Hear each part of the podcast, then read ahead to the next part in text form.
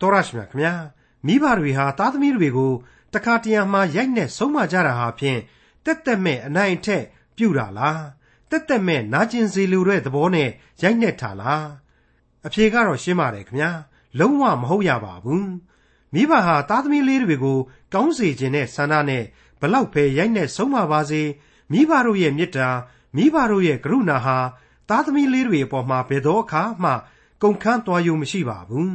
မိဘတို့ရဲ့ကရုဏာသားသမီးတွေအပေါ်မှာပြတ်တောက်ပယ်ရှားသွားတယ်ရဲ့လို့မရှိပါဘူးဒီလိုပါပဲလူသားတွေကိုဆုံးမနေတဲ့ဖျားရှင်ရဲ့မေတ္တာကရုဏာတော်ဟာ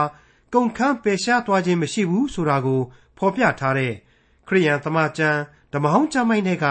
89ခု88ခုနဲ့89ခုမြောက်သောဆာလံကျမ်းတို့ကိုဒီကနေ့တင်ပြရသောတမန်ကျမ်းအစီအစဉ်မှာလေ့လာမှာဖြစ်ပါတယ်။သေခြင်းသို့မရောက်အသက်ရှင်၍ မိမိဝိညာဉ်ကိုမရဏနိုင်ငံတကိုးမှ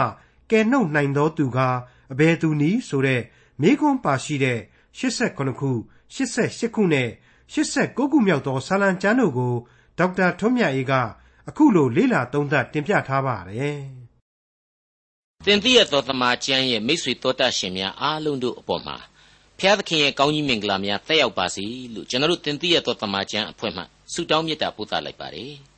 မိတ်ဆွေအပေါင်းတို့ခမညာဆာလံတီချင်းများတဲ့ကဝတ်ပြုရာကျမ်းကိုကိုစားပြုထားတဲ့အပိုင်းများရဲ့ဏိဂုံးပိုင်းသင်ခန်းစာများနဲ့ဒီကနေ့ကျွန်တော်တို့တင်ဆက်သွားရပါလိမ့်မယ်ဟုတ်ပါတယ်ဒီကနေ့အဖို့မှာတော့89ခုမြောက်သောဆာလံကနေပြီးတော့89ခုမြောက်သောဆာလံအထိသင်ခန်းစာတွေကိုဆက်လက်တင်ဆက်ပေးရင်းနဲ့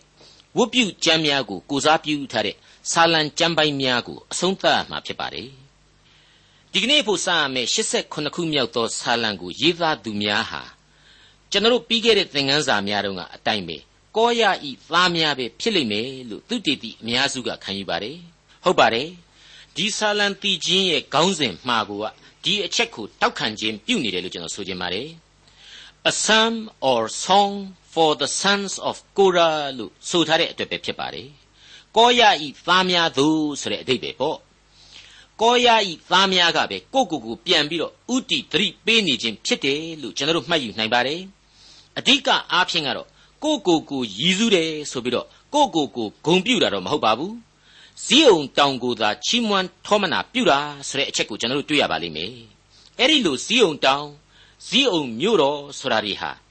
ဒါဝိမင်းကြီးရဲ့ဖျားသခင်ကိုကျေးဇူးတော်ချီးမွမ်းပြီးတော့သတ်မှတ်ခဲ့ရာတန်ရှင်းသောအရက်ဖြစ်ခဲ့တာတော့မှန်တယ်။ဒါပေမဲ့ ဒီကနေ့အမြင်မှာတော့ယေရုရှလင်မြို့တော်ရဲ့ပြင်ကြီးအရက်မှာအမြင့်ဆုံးအစွန်းထွက်နေတဲ့အရက်ဒေသကလေးတစ်ခုသာမိုးရိုးမတ်တပ်အဖြစ်နဲ့ကြံရစ်နေတာကိုကျွန်တော်တို့တွေ့နိုင်တယ်ဆိုတဲ့အချက်ပါပဲ89ခုမြောက်သောဆာလံအငယ်1ကိုနားဆင်ကြည့်ကြပါစို့ဘုံဗိမ္မာန်တော်တိုက်မြစ်သည်တန်ရှင်းသောတောင်ရိုးပေါ်မှတည်လျက်ရှိ၏ဒီအပိုက်အကြောင်းကိုဂဂနနနားလည်ဖို့ရန်အတွက်ဟေရှာယအနာဂတိကျမ်းအခန်းကြီး2 အငယ်1ကိုဖော်ပြဖို့လိုပါလိမ့်မယ်ဒါဝိဒ်ရဲ့ခေတ်နောက်ပိုင်းနှစ်ပေါင်းမြောက်များစွာအကြာမှမှပေါ်ထွန်းခဲ့တဲ့ပရောဖက်ကြီးဟေရှာယကနေတဆင့်ဖျားသခင်ဖော်ပြလိုက်တဲ့ဗျာဒိတ်တော်ပဲဖြစ်ပါတယ်နားဆင်ကြည့်ကြပါနောက်ဆုံးသောကာလ၌ထာဝရဘုရား၏အိမ်တော်တည်သောတောင်သည်တောင်ကြီးတောင်ငယ်တို့ဤထိပ်ပေါ်မှချီးမြှောက်၍တည်လိမ့်မည်ခတ်သိမ်းသောလူမျိုးတို့သည်ထိုတောင်သို့စီဝေးကြလိမ့်မည်တဲ့အဲ့ဒါဟာဇီးအောင်ဆိုတဲ့အတိတ်ကာလတစ်လျှောက်လုံး ဖျားသခင်ရဲ့ဌာနတော်အဖြစ်သတ်မှတ်ထားတဲ့အရာတန်ရှင်းရာဌာနတော်ဟာကကာလကုံဆုံးချိန်မှာပြန်လဲအသက်ဝင်လာလိမ့်မယ်ဖျားသခင်ဟာခရစ်တော်အားဖြင့်ဇီးအောင်တောင်ကနေပြီးတော့ကဘာကိုတစ်ချိန်သောကာလမှာကိုတော်တိုင်အုပ်ချုပ်သွားလိမ့်အောင်မယ်ဆိုတဲ့အချက်ပါပဲဒါနဲ့ပတ်သက်ပြီးတော့လေပရောဖက်ဇာခရိကိုယ်တိုင်ကသူ့ရဲ့အနာဂတ်ကျမ်းအခန်းကြီး2အငယ်30မှာအခုလိုဖော်ပြထားတာရှိပါသေးတယ်။အိုးစီးအောင်တို့သမီးတည်ခြင်းဆို၍ရှင်လန်းလော့ ငါလာ၍သင့်အလယ်၌နေမည်ဟုထာဝရဘုရားမိန့်တော်မူ၏တဲ့အလွန်ရှင်းလင်းပြတ်သားနေတဲ့အနာဂတ်ပါပဲမိษွေအပေါင်းတို့ခမညာအခုအပိုင်းဟာဝုပြုရာကျမ်းကိုကိုစားပြုထားတဲ့ဆာလံအစုအဝေးဖြစ်တယ်တန်ရှင်းရာဌာနတော်နဲ့ဆက်နွယ်တဲ့ဆာလံဖြစ်တယ်ဆိုတာကိုကျွန်တော်ဖော်ပြခဲ့ပြီးပါပြီ။ဒါကြောင့်လဲအငယ်1နဲ့3တို့ဟာဒီအချက်ကိုအထူးပြုပြီးတော့ထပ်မံဖော်ပြလာပါတယ်။တန်ရှင်းသောတောင်တော်နဲ့တန်ရှင်းသောမြို့တော်ရဲ့ကြက်တည်ရှိခြင်းအကြောင်းပါပဲ။ အငယ်1နဲ့3ထာဝရဘုရားသည်ယာကုပ်၏နေရာအပေါင်းတို့တဲ့ဇီးအောင်တကားတို့ကိုသာ၍နှစ်သက်တော်မူ၏အိုဖျားသခင်၏မြို့တော်သင်၏ဘုံအသရေကြီးလိမ့်မည်ဟုသောစကားကိုပြောထားလျက်ရှိ၏ဒီအချက်ကလေးဟာ48ခုမြောက်သောဆာလံအငယ်1နဲ့2တို့ကိုပြန်ပြီးတော့ကျွန်တော်တို့ကိုအောက်မေ့စေဖို့ဖော်ပြလိုက်တယ်လို့ပါပဲထာဝရဘုရားသည်ကြီးမြတ်တော်မူ၏တန်ရှင်းသောတောင်တော်ပေါ်မှငါတို့ဘုရားသခင်၏မြို့တော်တွင်အထူးသဖြင့် ထောမနာချီးမွမ်းခြင်းကိုခံတိုက်တော်မူ၏မြေကြီးတစ်ပြင်လုံးရှင်လန်းရာစီးုံတောင်ထိပ်သည်အစင်းလှပေ၏မြောက်မျက်နှာဘက်၌မဟာမင်းကြီး၏မြို့တော်သည်တည်ရ၏တဲ့အဲ့ဒါဟာ48ခုမြောက်သောဆာလံရဲ့အစမှာတွေ့ရတဲ့အချက်ပါပဲဇီးအောင်ဆိုတဲ့တောင်ကုန်းလေးတစ်ခုဒီဗိမ္မာန်တော်တီယာဆိုတဲ့အညွန်တစ်ခုပေါ်မှာပဲအချို့အချို့သောလူတွေဟာအသေးစိတ်ရှောက်စဉ်းစားရင်းနဲ့ညင်းနေခုန်နေကြတာတွေကိုလည်းကျွန်တော်တို့ကြားရပါတယ်ကျွန်တော်ကတော့ ဒါတွေကိုညင်းတာခုံတာဟာကို့အလုတ်မဟုတ်တာကိုအလုတ်ကြီးတစ်ခုအနေနဲ့လုပ်နေတာပဲညင်းစရာမလိုတာကိုညင်းနေတာပဲဆိုပြီးတော့အလေးနဲ့ခံယူမိပါတယ်အဓိကဟာပါလေဖျားသခင်ဟာအသက်ကိုပေးနိုင်တယ်ကယ်တင်ရှင်ဂျေဇုရဲ့သခင်ဖြစ်တယ်မြေပေါ်ကိုပြန်လဲဆင်းသက်ပြီးတော့တရားစီရင်ခြင်းဆိုတာဟာရှိလာမယ်မိမိဆိုတဲ့လူသားဟာဖြောင့်မတ်ခြင်းအခွင့်နဲ့ကောင်းကင်နိုင်ငံတော်အမွေကိုခံယူရရှိနိုင်ဖို့အတွက်သာလျှင်ယုံကြည်ခြင်းတရားကိုယင်ထဲမှာမွေးမြူး စัจ java လာအနန္တနဲ့တောင်မှမဆက်မခံနိုင်သူဘုရားသခင်ဟာအခုကျွန်တော်တို့တည်ရှိရာနေရာတိုင်းမှာပဲလက်ငင်းကျေးဇူးပြုနိုင်တယ်လို့ကတ်ကာလကုံဆုံးချိန်မှာဖြစ်စေနိုင်ငံတော်တည်ထောင်ချိန်မှာဖြစ်စေကျွန်တော်တို့ကိုရှိတဲ့အခြေအနေတိုင်းရှိတဲ့အရက်တိုင်းမှာပဲကယ်တင်ခြင်းကျေးဇူးကိုပြုနိုင်တော်မူတယ်ဆိုတာကိုအသိအမှတ်ပြုဒီကျေးဇူးတရားကိုခံယူကယ်တင်ခြင်းတရားကိုစောင့်ရှောက်ဘုရားသခင်ကိုအစဉ်တစိုက်ဝတ်ပြု ဘုရားသခင်သွန်သင်ပေးတဲ့သမာတရားလမ်းနဲ့အညီအသက်ရှင်ဖို့သာလျှင်အဓိကလို့ကျွန်တော်တင်ပြလိုပါတယ်89ခုမြောက်သောဆာလံအငယ်၄မှ9အဆုံးအထိကိုဆက်လက်နားဆင်ကြကြပါငါကိုတီကျွမ်းသောသူတို့တွင်ယာခပ်မြို့နှင့်ဘာဘူးလုံမြို့ကိုငါမှတ်ထားမည်ဖိလိတိပြည်တုရုပြည်ကုရှပြည်တို့ကိုလည်းကြည်ကြလော့ဤမည်သောပြည်သားတို့သည်မြို့တော်၌ဖွားမြင်သောသူဖြစ်၏ ဇေယုံမြို့ကိုလည်းလူအမျိုးမျိုးတို့သည်ထိုမြို့၌ဖွားမြင်ကြပြီအမြင့်ဆုံးသောဖျားသည်ထိုမြို့ကိုကိုတော်တိုင်မြဲမြံစေတော်မူပြီဟုပြောဆိုကြလိမ့်မည်ထာဝရဘုရားသည်လူမျိုးတို့ကိုစည်ရင်ယူတော်မူသောအခါဤမည်သောအမျိုးသည်မြို့တော်၌ဖွားမြင်သောအမျိုးဖြစ်သည်ဟုမှတ်တော်မူမည်။တည်ခြင်းသည်နှင့်ပွဲသဘင်ခံသောသူအစရှိသောငါဤပျော်မွေခြင်းအကြောင်းရှိသမျှတို့သည်သင်၌ရှိကြသတည်း။ရာခတ်မျိုးဆရာဟာ ယောရှုမှတ်စာတဲကပြည်စာရာခတ်နဲ့ဘာမှမဆိုင်ပါဘူး။ကပ္ပတောင်ဘက်ချမ်းအာနာကိုဗဟိုပြုထားတဲ့အဲဂုတ်ထုကဒေသတစ်ခုဖြစ်တယ်လို့သူတည်တည်တွေဆိုပါတယ်။ဟေရှာယအနာဂတိကျမ်းအခန်းကြီး51အငယ်6မှာပြန်ကြည့်ရင်လည်းအခုလိုတွေ့နိုင်ပါတယ်။အိုးထာဝရဘုရား၏လက်ယုံတော်နိုးတော်မူပါနိုး၍ခွန်အားကိုယူတော်မူပါ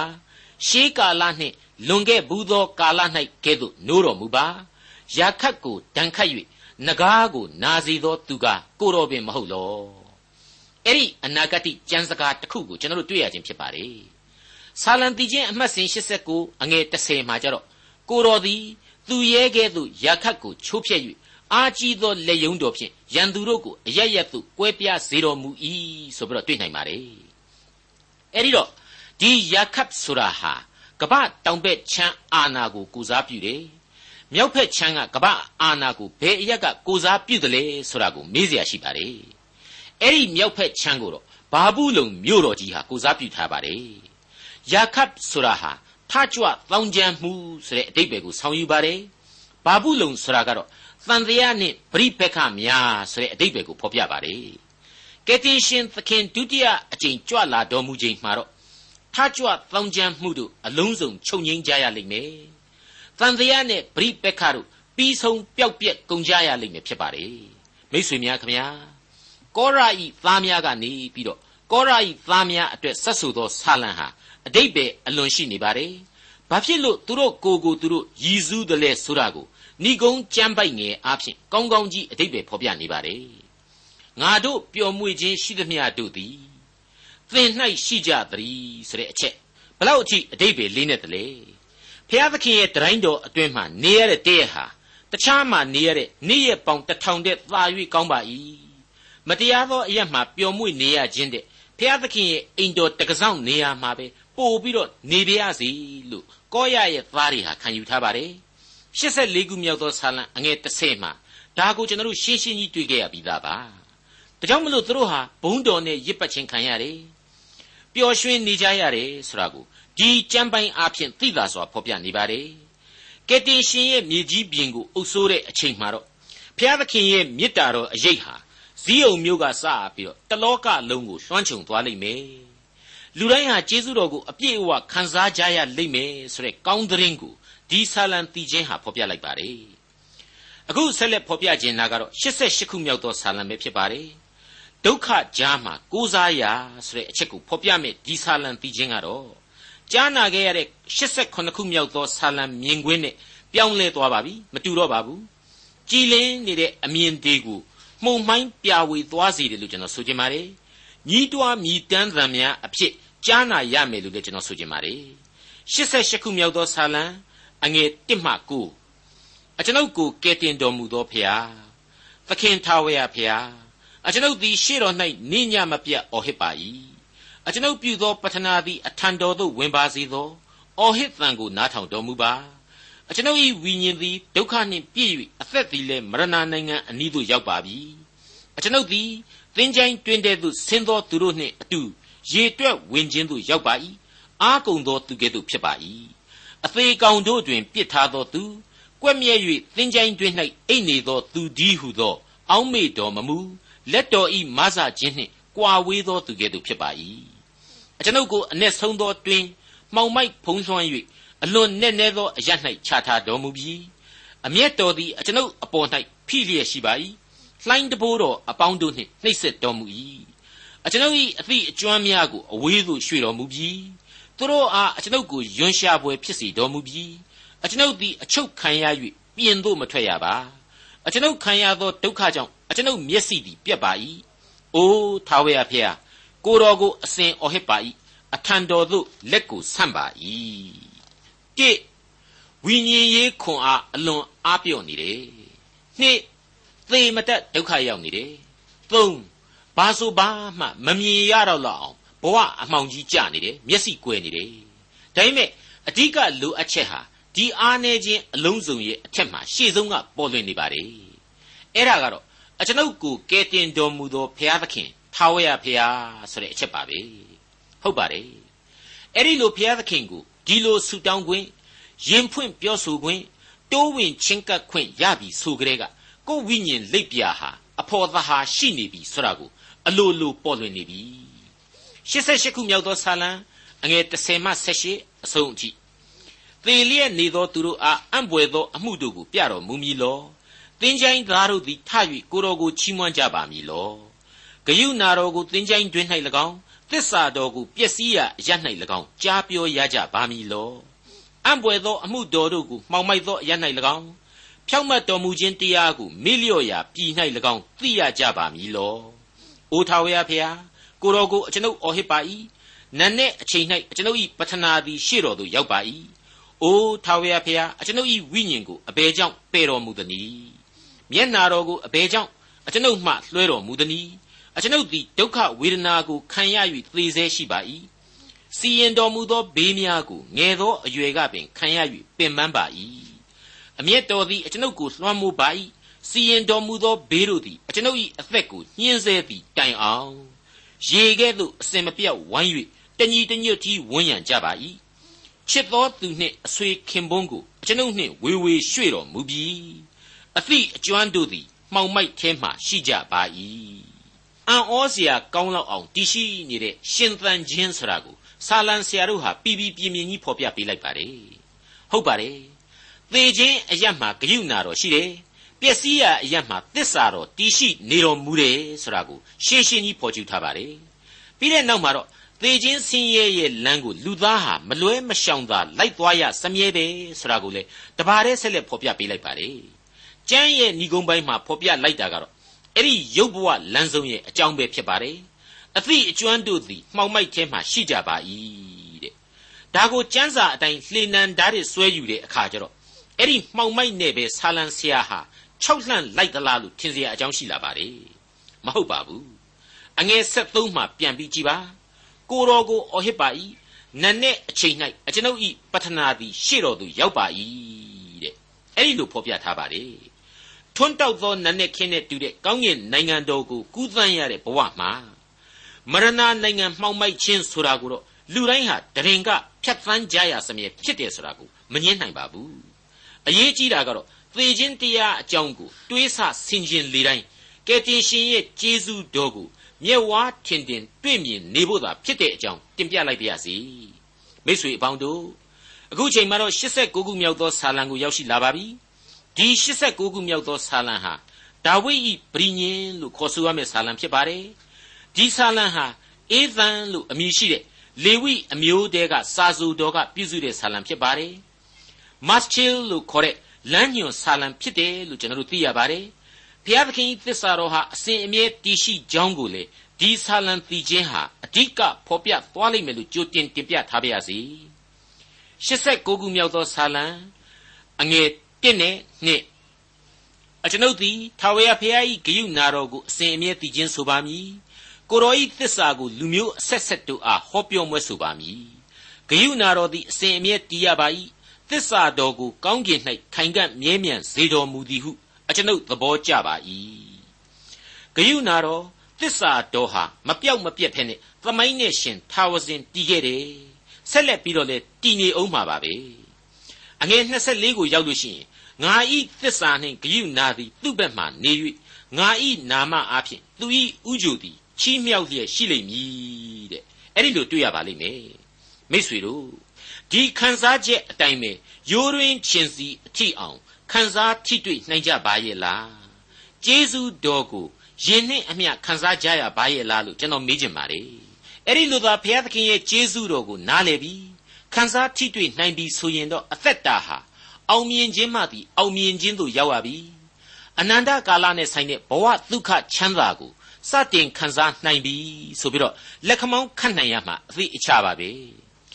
အမေမုတ်ဆိုးမကြီးတယောက်ဟာသူ့ရဲ့တူရီသောသားကလေးကိုပညာတတ်စီခြင်းလို့ဆိုပြီးတော့ရှိသမျှပုံအော်ပြီးတိုင်းတစ်ပါးကိုစွတ်ပြီးတော့ပညာသင်ပေးခဲ့ပါတယ်အဲ့ဒါသားလူလိမ္မာကြီးကဒေါက်တာပွဲကြီးရတော့လာပါရဲ့ဖျားသခင်ကိုမယုံကြည်ခြင်းခွန်အားတွေပါတိုးတက်ပြီးတော့ အမေအိမ်ကိုမာနာကြီးတစ်ခွဲသားနဲ့ပြန်လာတယ်တဲ့ပြီးတော့အမေကနေပြီးတော့ဖျားသခင်ဟာသာဝရအသက်ကိုပေးနိုင်တဲ့အကြောင်းကျေးဇူးတော်ကိုချီးမွမ်းတဲ့အချိန်ကျတော့လူလိမ္မာကြီးပြီးပြီးဒါမျိုးကိုနားမခံနိုင်ဘူးသူ့ကိုယ်သူ PhD ပါရဂူကြီးဆိုပြီးတော့နှခမ်းတလန်ပန်းတလန်ရန်တွေ့ပါလေရောတယ်အမေဖျားသခင်ကဒီလောက်ကြီးမားတဲ့ကဘာကြီးတွေကအမေတို့ကျွန်တော်တို့လိုအကောင်ကလေးတစ်ကောင်နှစ်ကောင်ရဲ့ဝိညာဉ်အစုပ်ပလုတ်ကလေးတွေကိုကြည်နေမယ်ဆိုတာဖြစ်နိုင်ပါမလားဗျ ကျွန်တော်တော့မယုံဘူးဘာဘူးညာဘူးတွေပေါ့အမေအိုကြီးခမရမှာလေသူ့သားအဲ့ဒီလိုမယုံကြည်ခြင်းခွန်အားတွေဖြစ်နေတာကိုမသိရှာတော့ပါဇက်ကြီးအဟောင်းသားဖြစ်သွားပြီးမျက်ရည်တွေလဲပြီးတော့သွားရတယ်ရင်ထဲမှာမချိအောင်ခံစားရတယ်ပြီးတော့မှသူ့သားကိုသူနားလေတယ်လို့ရှင်းပြလိုက်တယ်သားရည်တို့ရဲ့ဝိညာဉ်ကလေးတစ်ခုနှစ်ခုကိုဂယုမဆိုင်ဖဲနေမယ်ဆိုရင်တို့တွေဆုံးရှုံးတတ်တဲ့ဖျားသခင်ဘက်ကပို့ပြီးတော့ဆုံးရှုံးရလိမ့်မယ်ကွယ် ဘာဖြစ်လို့လဲဆိုတော့ကမ္ဘာသမိုင်းမှာဖျားသခင်ကိုစာတင်ပြီးတော့လွန်ခဲ့တဲ့နှစ်ပေါင်း4000လောက်အချိန်မကကတည်းကသစ္စာတော်နဲ့ပြည့်စုံတဲ့ဘုရားသခင်ကဲတင်ပိုင်သောအရှင်အနန္တတကုရှင်ဆိုပြီးတော့လူသားတွေဟာကိုးကွယ်လာခဲ့ကြတယ်အဲ့ဒီသစ္စာတရားကိုတောင်မဆောင်တော့ဘူးဆိုတဲ့နောက်တော့ဘုရားသခင်ဆိုတာဘယ်ဖြစ်နိုင်ပါတော့မလဲကွယ်ဆိုပြီးတော့ပြောပြလိုက်ရပါတယ်တဲ့အဲ့တော့မှနိုင်ငံသားပြန်ကြီးလေခေါင်းငိုက်ဆိုင်ချပြီးတော့မျက်လုံးကြီးပုတ်ခတ်ပုတ်ခတ်နဲ့ ဥကြောင်ကြောင်ဖြစ်သွားပါတည်းဟုတ်ပါတယ်မိတ်ဆွေအပေါင်းတို့သစ္စာတော်နဲ့ပြည့်စုံတဲ့ဘုရားသခင်ဟာမြေကြီးနဲ့မြေကြီးတစားတွေလောကရနဲ့လောကသားတွေကိုပိုင်ဆိုင်တော်မူပါတယ်သစ္စာတရားနဲ့လည်းပြည့်စုံတော်မူပါတယ်သစ္စာနဲ့မပြည့်စုံတာကဘုရားသခင်မဟုတ်ဘူးကျွန်တော်လူသားတွေဒီအချက်ကိုကျွန်တော်အစဉ်အမြဲရင်ဝင်ပိုက်ထားကြရလိမ့်မယ်ကိုအားနေချက်ကိုကိုအမြဲတမ်းသိထားကြရလိမ့်မယ်89ခုမြောက်သောဆာလံ အငယ်9မှ18ကိုဆက်လက်နားဆင်ကြကြပါ။အိုထာဝရဖျားကောင်းကျင်သည်အံ့ဘွယ်သောအမှုတော်တို့ကို၎င်းတန်ရှင်းသူတို့သည်စီဝေးလျက်တစ္ဆာတော်ကို၎င်းချီးမွမ်းကြပါစေသော။အကြောင်းမူကားကောင်းကျင်တွင်ထာဝရဖျားနှင့်အဘယ်သူပြိုင်နိုင်သနည်း။ဖျားသခင်၏သားတို့တွင်ထာဝရဖျားနှင့်အဘယ်သူတူသနည်း။ဖျားသခင်သည်တန်ရှင်းသူတို့၏ပရိသတ်တွင်အလွန်ကြောက်ရွံ့ပွေဖြစ်တော်မူ၏။အထံတော်၌ပတ်လည်နေသောသူအပေါင်းတို့တဲ့ ယိုသေးပွေဖြစ်တော်မူ၏ကောင်းကင်ဘိုးကြီးအရှင်ဘုရားသခင်ထာဝရဘုရားကိုတော်နှင့်အဘယ်သူတူပါသနည်းထထာဝရဘုရားသည်ခွန်အားကြီးတော်မူ၏သစ္စာတော်သည်လည်းကိုတော်ကိုပတ်ဝန်းလျက်ရှိ၏သမုတ်တရားဟုံးခြင်းကိုအစိုးရတော်မူ၏လှိုင်းတဘိုးထသောအခါငြိမ့်စေတော်မူ၏ကိုတော်သည်သူရဲကဲ့သို့ရာခတ်ကိုချိုးဖျက်၍အာကြီးသောလက်ယုံတော်ဖြင့်ရန်သူတို့ကိုအရရတ်သို့ကွဲပြားစေတော်မူ၏ကောင်းကင်နှင့်မြေကြီးသည်ကိုတော်၏ဥစ္စာဖြစ်ပါ၏ လောကရနှင့်လောကရတစားများကိုတည်တော်မူပြီးမြောက်မျက်နှာနှင့်တောင်မျက်နှာကိုလည်းဖန်ဆင်းတော်မူပြီးတာဘော်တောင်နှင့်ဟေရမုန်တောင်သည်နာမတော်ကိုအမိပြု၍ရှင်လန်းစွာတည်ခြင်းဆိုကြပါ၏တကိုးရှိသောလက်ယုံနှင့်ပြည့်စုံတော်မူ၏လက်တော်သည်အားကြီး၍လက်ရလက်တော်သည်မြင့်ပါ၏တရားသဖြင့်စီရင်ခြင်းဖြောင့်မတ်စွာဆုံးဖြတ်ခြင်းသည်ပလင်တော်ဤတရားဖြစ်ပါ၏ဂယုဏနှင့်သစ္စာသည်မျက်နာတော်ရှိ၌သွားကြပါ၏အိုထာဝရဖျား နှိုးဆော်တော်မူခြင်းအသံကိုနားလေသောလူမျိုးသည်မင်္ဂလာရှိပါ၏သူတို့သည်မျက်နာတော်အလင်း၌သွာလာရကြပါ၏နာမတော်၌အစဉ်ဝမ်းမြောက်၍ဖြောင့်မတ်တော်မူခြင်းတရားအဖျင်ချီးမြှောက်ခြင်းသို့ရောက်ရကြပါ၏ကိုတော်သည်သူတို့၏အစွန်းတတ္တိ၏ဘုံဖြစ်တော်မူ၏ကျေးဇူးတော်အဖျင်လေအကျွန်ုပ်တို့၏ဥကြိုသည်ချီးမြှောက်လျက်ရှိပါ၏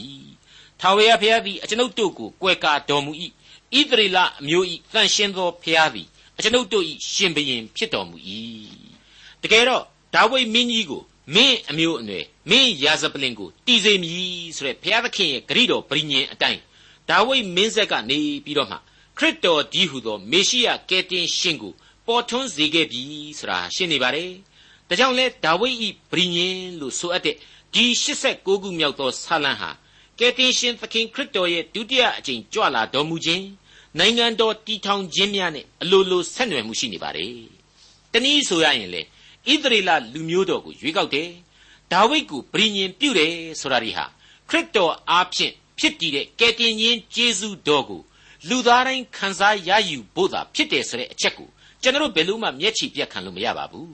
။အငယ်24မှ29အထိငါဤသစ္စာနှင့်ဂယုနာသည်သူ့ဘက်မှနေ၍ငါဤနာမအဖျင်သူဤဥကြိုသည်ချီးမြှောက်လျက်ရှိလိမ့်မည်သူဤလက်ကိုလည်းပင်လေပေါ်မှ၎င်း သူဤလက်ရလက်ကိုမြင့်များပေါ်မှ၎င်းငါတင်၍ထားမည်သူကလည်းကိုတော်သည်အကျွန်ုပ်၏အဖအကျွန်ုပ်၏ဖျားသခင်အကျွန်ုပ်ကိုကယ်တင်ရာကြောက်ဖြစ်တော်မူ၏ဟုငါကိုကြွေးကြော်လိမ့်မည်အကယ်စင်စစ်သူ့ကိုသားဦးအရာ၌ခံထား၍လောကီရှင်ဘရင်တို့အပေါ်မှချီးမြှောက်မည်ငါဤဂယုနာကိုသူ့အဖို့ငါသည်အစဉ်ဆောင်၍ငါဤပရိညင်တရားသည်သူ၌မြဲမြံလိမ့်မည်သူ၏အမျိုးအနွယ်ကိုအစဉ်အမြဲတည်စေမည် သူ၏ပလင်သည် ကောင်းကင်ကာလကဲ့သို့နေဆထာဝရဖြစ်လိမ့်မည်အလွန်ရှင်းလင်းနေတဲ့ဗျာဒိတ်ပါပဲဒါဟာလောကီရှင်ဘရင်တပါးတဲ့မကကောင်းကင်နိုင်ငံတော်ကိုရည်ညွှန်းနေတဲ့အကြောင်းအထူးသိတာနေပါတယ်အဲ့ဒီလောက်အထိကယ်တင်ရှင်ယေရှုအတွက်ပရိညင်တွေဟာတရှိနေသလိုလူသားတို့ရဲ့အဖွဲ့အစည်းမှာတော့ဘုရားသခင်ရဲ့တရားတော်ကိုစံချိန်မှီအောင်မလိုက်နိုင်တာသာမကသေးပဲနဲ့ပြည့်ညတ်တော်တို့ကိုမဆောင်ရှောက် ဘုရားသခင်ကိုအရှင်မေ့လျော့ကြောခိုင်းကြတဲ့အထိဖြစ်ခဲ့တာအဲဒါကြောင့်လဲဘုရားသခင်ဟာအမျက်တော်ပြင်းထန်စွာထွက်ခဲ့ရတာတွေကိုအခုဆာလံ89ဟာဆက်လက်ဖော်ပြထားပါတယ်အဲ့ဒီလိုလူသားတို့ရဲ့အပြစ်ဒုစရိုက်နဲ့ကင်းကိုမကင်းနိုင်ပဲရှိခဲ့တော်냐လေထာဝရအသက်ဆိုတာတည်ရှိခြင်းကိုဆာလံဆရာကနေတဆင့်ထပ်မံပြီးတော့ဘုရားသခင်သိစီလိုက်ပါတယ်89ခုမြောက်သောဆာလံအငယ်48နဲ့48 ကိုထာဝရဖျားကိုတော်သည်အရှင်းမထင်ရှားပဲအဘယ်မျှကလပ်ပတ်လုံးပုံ၍နေတော်မူမည်နီအမျက်တော်သည်အဘယ်မျှကလပ်ပတ်လုံးမိခဲ့သို့လောင်ရပါမည်နီအကျွန်ုပ်၏အသက်တာသည်အဘယ်မျှလောက်တိုသည်ကို၎င်းအဘယ်မျှလောက်ပြက်တက်စေခြင်းဟာလူသားအပေါင်းတို့ကိုဖန်ဆင်းတော်မူသည်ကို၎င်းအောက်မေ့တော်မူပါသေခြင်းတို့မရောက်အသက်ရှင်၍မိမိဝိညာဉ်ကိုမရဏနိုင်ငံတကိုးမှကယ်နှုတ်နိုင်သောသူကအဘယ်သူနည်းကဲ သေခြင်းမှလွတ်စေသူဟာဘသူများလဲတဲ့အမေးရှိနေပြီအဲ့ဒီလိုမေးလိုက်တဲ့မေကွန်းအတွက်တခုတည်းသောအဖြေကတော့နေဆထာဝရပလင်တော်ကိုစိုးစံရသောကယ်တင်ရှင်သခင်ယေရှုကိုတော်တိုင်ပဲဖြစ်တယ်ဒီသခင်ဟာကျွန်တော်လူပေါင်းရဲ့အပြစ်ကြွေးအားလုံးတို့ကိုယူတင်ဝတ်ဆောင်ပြီးတဲ့နောက်အမှုအလုံးစုံကိုပြေပြောက်စေဖို့ကိုကိုကိုရစ်ကောင်တပွဲပူဇော်ခြင်းကိုခံယူခဲ့ပါတယ်လူသမိုင်းမှာအပြစ်လူသားတို့အတွက်အပီးအပြတ် ဆောင်ရွက်ပေးခဲ့တဲ့အမှုပဲဖြစ်ပါတယ်ဒါဟာကဲတင်ခြင်းအမှုပါဒီအသေးခံတော်မူခြင်းဟာတစ်ချိန်နဲ့ပြီးပြတ်ပါတယ်နှစ်ချိန်အသေးမခံပါဘူးအသေးခံဖို့လည်းမလိုပါဘူးနောက်တစ်ချိန်ဒီသခင်ဒီလောကကိုကြွဆင်းခြင်းဟာအသေးခံဖို့ရန်မဟုတ်တရားစီရင်ရန်သာဖြစ်တဲ့အတွက်ကြောင့်အဲ့ဒီအချိန်ကာလကိုရည်စူးပြီးတော့ကိုဘဝအသက်တာအသီးသီးကိုပြင်ဆင်ယုံမှတပါအခြားမရှိကြောင်းတင်ပြပါရစေ ဒီကျေးဇူးတော်ကိုနားလေတဲ့လူသားအနေနဲ့အခု86ခုမြောက်သောဆာလံရဲ့ဏိဂုံးကျမ်းများကိုဖတ်ရင်းနဲ့ကျေးဇူးတော်ကိုချီးမွမ်းကြပါလို့တင်ပြလိုပါတယ်။အိုးထာဝရဖျားကိုတော်ဤကျွန်တို့သည်ခံရသောကဲ့ရဲ့ခြင်းကို အောက်မေ့တော်မူပါ။များစွာသောလူတို့၏အမှုအလုံးစုံကိုအကျွန်ုပ်သည်ကိုရင်ခွင်၌ဆောင်ရပါ၏။အကြောင်းမူကားအိုးထာဝရဖျားကိုတော်ဤရန်သူတို့သည်ကဲ့ရဲ့တတ်ကြပါ၏။ အထံတော်၌ဘိသိက်ခံသောသူ၏ခြေတော်ရာတို့ကိုကဲ့ရဲ့တတ်ကြပါ၏ထာဝရဘုရားသည်ကဘာအဆက်ဆက်မင်္ဂလာရှိတော်မူစေတည်းအာမင်နှင့်အာမင်ဒေါက်တာထွန်းမြတ်ရေးစီစဉ်တင်ဆက်တဲ့တင်ပြရတော်တမချန်းအစီအစဉ်ဖြစ်ပါတယ်နောက်တစ်ချိန်အစီအစဉ်မှာခရိယန်တမချန်းဓမ္မဟောင်းကျမ်းပိုင်းမှာပါရှိတဲ့အခု90မြောက်သောဆာလံကျမ်းကိုလေ့လာမှဖြစ်တဲ့အတွက်စောင့်မျှော်နားဆင်နိုင်ပါတယ်